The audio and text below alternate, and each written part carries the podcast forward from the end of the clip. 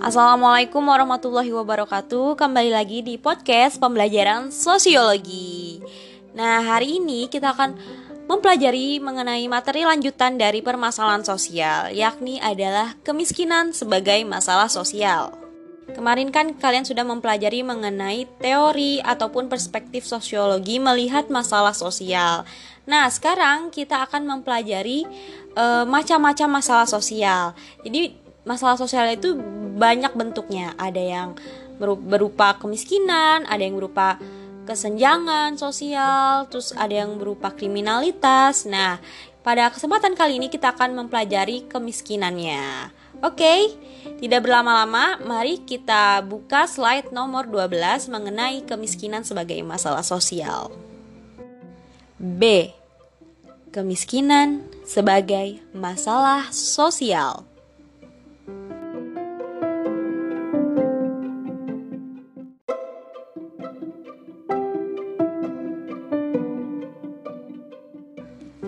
Nah, oke kita langsung saja ke pengertian kemiskinan. Nah, di sini kemiskinan itu secara sosiologisnya timbul karena adanya lembaga masyarakat nih di bidang ekonomi yang tidak berjalan atau berfungsi dengan baik.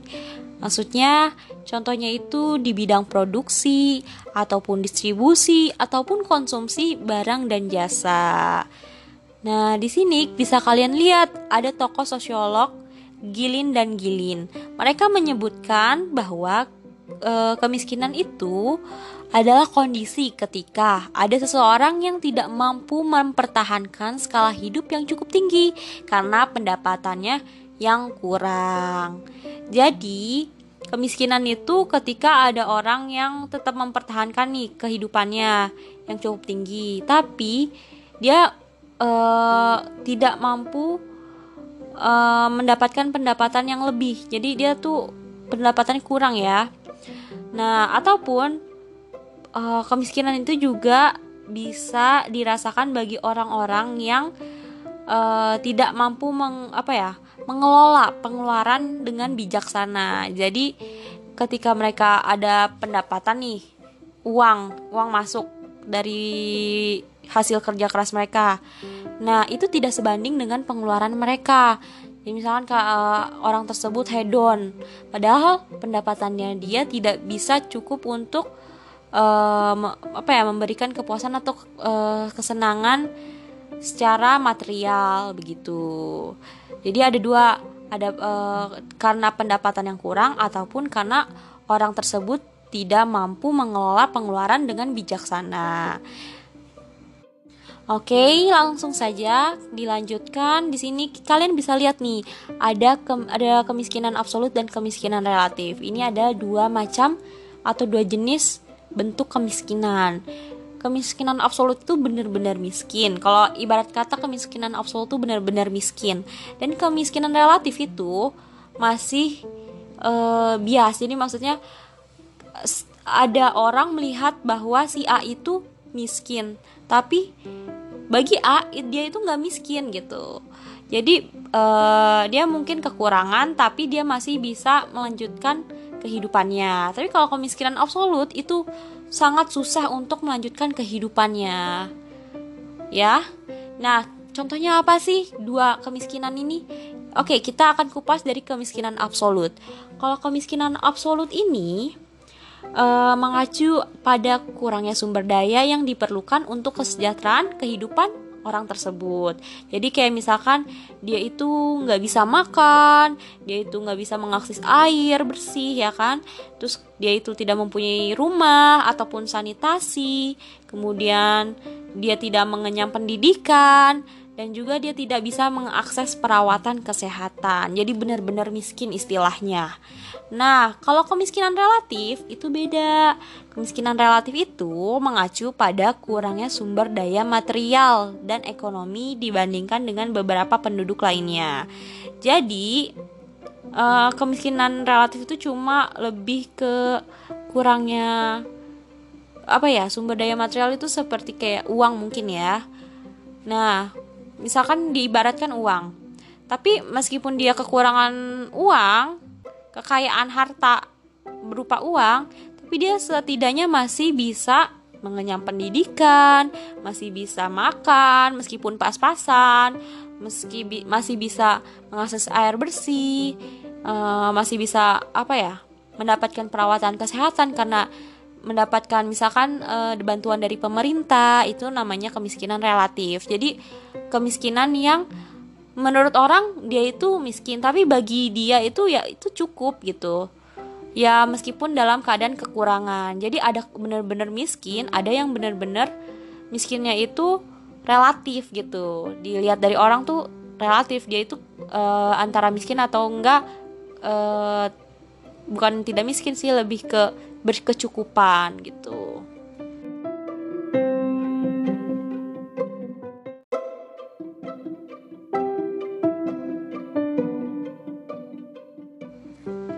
Setelah kalian mengetahui pengertian dari konsep kemiskinan itu sendiri, kita akan lanjutkan ke faktor penyebab dari kemiskinan. Nah, faktor ke penyebab kemiskinan itu ada dua, ada dua ya, yakni itu ada faktor kemiskinan dari dirinya sendiri atau pribadi dan ada faktor kemiskinan dari faktor geografisnya. Jadi ada mungkin dari internalnya dari dalam diri sendiri ataupun dari eksternal, dari lingkungannya atau geografisnya yang menyebabkan dia miskin. Mungkin kita akan kupas dari faktor kemiskinan uh, dikarenakan dirinya sendiri ataupun pribadi. Nah, di sini bisa kalian lihat nih, di sini ada penyakit karena penyakit dan kemitraan membentuk kemitraan yang saling membantu. Kemudian ada penyakit mental, kemudian ada kecelakaan, buta huruf, malasan, pemborosan dan demoralisasinya. Kita akan kupas satu persatu. Jadi, uh, di sini ada penyakit nih. Um, biasanya sih orang-orang yang miskin itu dikarenakan mereka ini memang sudah uh, termenderita pen suatu penyakit. Jadi mereka tidak mampu bekerja menghasilkan pendapat pendapatan dikarenakan ya fisiknya mereka ini fisik dan mentalnya ini tidak mampu untuk bekerja gitu. Jadi kan kita punya fisik dan mental kan tentunya. Nah ada nih seseorang yang memang fisik dan mentalnya itu sudah sakit sehingga mereka tidak mampu untuk mencari nafkah untuk mencari penghasilan sehingga menyebabkan uh, orang tersebut menjadi miskin. Kemudian di sini ada yang kecelakaan. Kecelakaan mungkin saja seperti itu. Jadi uh, ketika ada orang yang kecelakaan uh, jadi kan mungkin fisiknya uh, lumpuh ataupun patah. Jadi sehingga orang tersebut tidak mampu menjalankan aktivitas atau kegiatan ekonomi secara baik gitu kan. Sehingga mereka tidak mampu menghasilkan sesuatu pendapatan gitu kan. Jadinya mereka menyebabkan dia miskin gitu. Kemudian ada buta huruf dan kemiskinan. Terus kemalasan. Tentunya kalau kemalasan itu pasti karena orang tersebut memang tidak mau mengenyam pendidikan. Karena ah lebih baik uh, saya bekerja nih daripada belajar dikarenakan kalau bekerja kan dapat uang. Meskipun hanya apa ya mengut sampah ataupun misalkan mengemis gitu. Yang penting saya dapat penghasilan. Nah dengan hal itu dia kan lebih malas ya lebih malas untuk mengenyam pendidikan. Dia tidak bisa mendapatkan pekerjaan yang lebih baik gitu mendapatkan pekerjaan yang lebih tinggi karena dia malas untuk membuat perubahan bagi dirinya sendiri ataupun mereka ada nih yang benar-benar malas tidak mau tidak mau bekerja hingga ya udah dia minta-minta aja dan dia hidupnya dalam kemiskinan begitu. Ada juga yang pemborosan. Pemborosan termasuk faktor loh, faktor penyebab dari kemiskinan. Jadi sebenarnya tuh dia mempunyai pendapatan yang baik. Namun karena dia gaya hidupnya sangat tinggi, dia itu tidak mampu mengelola pengeluarannya secara bijaksana sehingga terjadinya uh, uang pendapatannya itu habis. Nah, ini kan memunculkan kemiskinan dari dirinya sendiri kan. karena dia tidak mampu mengelola pengeluaran dengan baik. Kemudian ada demoral, demoralisasi karena adanya moral yang tidak baik nih di masyarakat yang memang dia uh, sangat lebih nyaman dalam keadaan yang seperti ini dibandingkan harus merubah nasibnya begitu. Nah, selanjutnya menurut faktor geografis penyebab kemiskinan itu ada tiga. Ada yang berdasarkan karena iklim ataupun cuaca yang kurang baik, terus tidak ada sumber daya alam yang memadai dan bencana alam. Biasanya kalau misalkan untuk poin yang kedua ini uh, tidak ada sumber daya alam yang memadai, itu bisa kalian lihat di negara-negara Afrika di mana sumber daya alamnya tuh tidak sekaya Indonesia kan.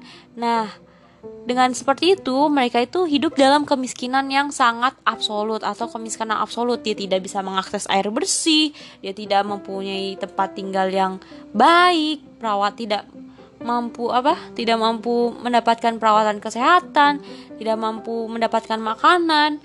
Nah itu dikarenakan di negaranya itu sumber daya alamnya tidak memadai gitu kan. Tidak ada malah Nah, kalau bencana alam atau iklim dan cuaca yang kurang baik, ini biasanya uh, orang-orang mis uh, timbulnya orang-orang miskin baru nih. Jadi sebenarnya uh, mereka itu hidup berkecukupan, misalkan hidup dalam uh, istilahnya yang tidak miskin ya. Tapi karena adanya bencana alam, misalkan kayak gempa di Palu kemarin, itu kan menimbulkan uh, apa ya perumahan ambruk semua kan semua akses apa pun itu hilang ya kan? Harta benda hilang ya kan? Itu menyebabkan orang-orang yang tadinya berkecukupan menjadi orang miskin baru gitu kan? Bukan hanya bukan hanya orang kaya baru yang uh, ada istilahnya nih orang miskin baru juga ada. Dari karena kan ya bencana alam gitu kan karena kan kita tidak tahu ya itu kan memang tragedi peristiwa yang uh, terjadinya secara dadakan nah ini akan menimbulkan bencana alam yang menghanyutkan harta benda para masyarakat atau korbannya Nah, orang-orang ini tentunya mereka kehilangan harta benda dan menjadi orang miskin gitu kan. Nah, itu dikarenakan faktor geografis.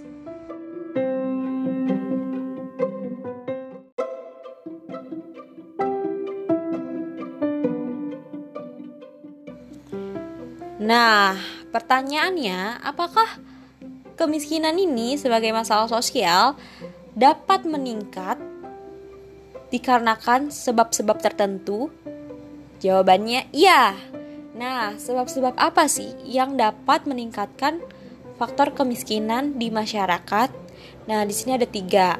Yang pertama itu ada sistem pendidikan yang kurang baik. Ketika uh, masyarakat yang ini hidup dalam kemiskinan dan di suatu negara tersebut pendidikannya kurang baik, sistem pendidikannya kurang baik, maka tentunya akan menimbulkan generasi selanjutnya yang seperti itu juga ya hidup dalam kemiskinan. Karena uh, ketika apa ya kan pendidikan itu bukan hanya di sekolah doang kan pendidikan kan banyak ya seperti pendidikan formal itu seperti sekolah pendidikan informal itu seperti kursus lembaga-lembaga lainnya lembaga-lembaga pengembangan masyarakat.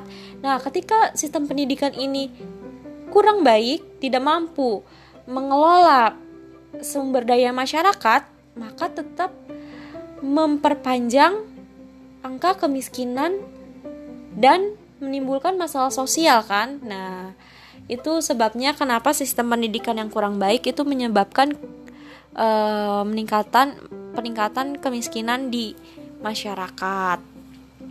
Nah yang kedua faktornya yang kedua itu adalah perumahan yang tidak cukup. Nah kalian tahu sendiri kan semakin ke sini semakin banyaknya rumah-rumah warga dan uh, tanah pun semakin terbatas jadi semakin kan kita tahu ya kalau kita tahu bahwa semakin uh, tahun 2020 itu bonus demografi di mana peledakan uh, peledakan pertumbuhan masyarakat kan. Nah, ketika masyarakatnya bertambah tapi tanahnya di masyarakat Indonesia ini nih berkurang. Nah, akibatnya mereka ini bagi yang mereka pendapatannya kurang atau rendah, mereka tidak dapat membeli rumah ataupun tidak dapat uh, apa ya mempunyai tempat tinggal tetap gitu kan. Nah, itu menyebabkan kemiskinan. Karena mereka tidak mampu mempunyai uh, kebutuhan ini nih ters, uh, tersier kan perumahan ya kan. Oke selanjutnya kita ke poin yang ketiga salah kelola rumah tangga. Maksudnya apa? Nah di dalam rumah tangga itu pasti ada sistem uh, pengelolaan ekonomi ya kan? Jadi ayah dan ibu atau orang tua pastinya kan uh, mempunyai pengelolaan uh, materi yang mereka punya kan atau uang yang mereka punya kan harta yang mereka punya kan.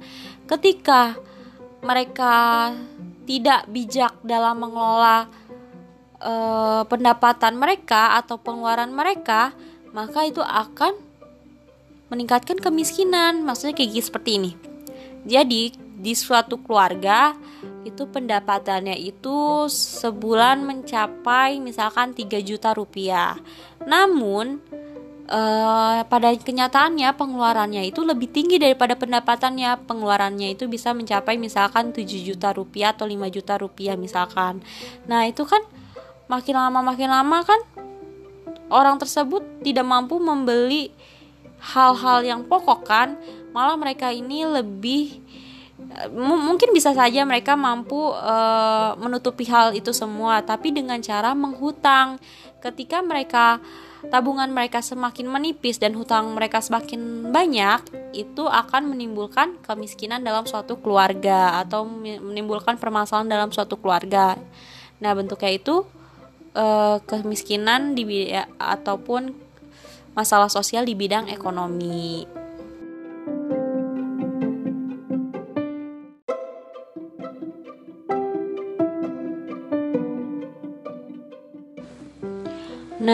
Nah, di sini ada nih beberapa upaya penanggulangan kemiskinan. Ada empat poin.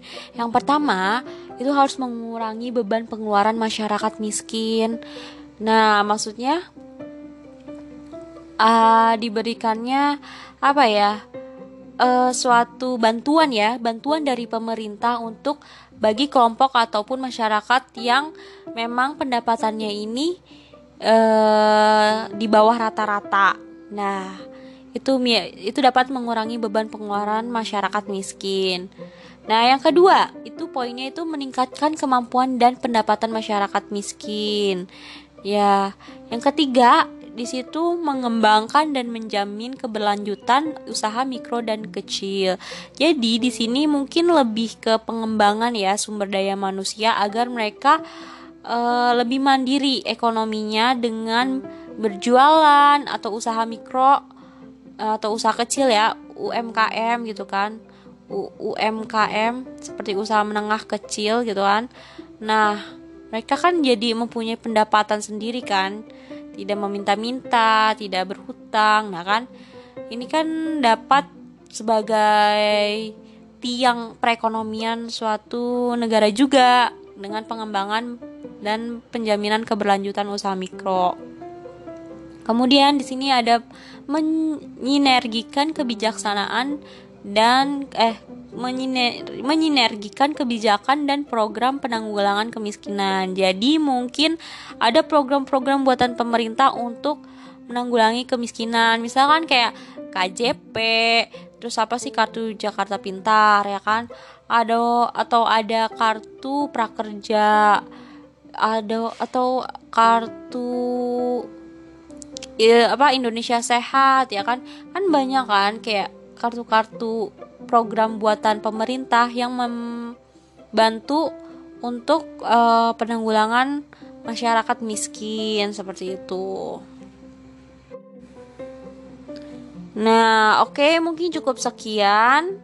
Ibu harap kalian mampu mengetahui nih bahwa kemiskinan itu uh, bukan hanya berupa tidak punya uang saja tapi ketika ada seseorang yang tidak mampu mengakses sumber daya alam dengan baik ataupun tidak mampu mengakses uh, apa ya perawatan kesehatan itu bisa dikatakan miskin juga loh. Jadi miskin itu uh, ada yang bersifat absolut dan juga ada yang relatif. Kemudian kalian juga mampu nih mengetahui uh, faktor-faktor penyebab kemiskinan itu, kemudian upaya apa sih yang harus dilakukan agar uh, menghilangkan permasalahan sosial, uh, terutama di aspek kemiskinan masyarakat ini, gitu kan? Oke, mungkin cukup sekian pembelajaran kali ini. Mohon kalian ulangi lagi materinya karena di akhir sesi ini ibu akan memberikan evaluasi pertemuan yang pastinya ibu akan lihat um, bagi orang yang memang uh, apa ya belajar ataupun yang mengabaikan podcast ataupun pembelajaran pertemuan kali ini. Mungkin cukup sekian. Wassalamualaikum warahmatullahi wabarakatuh.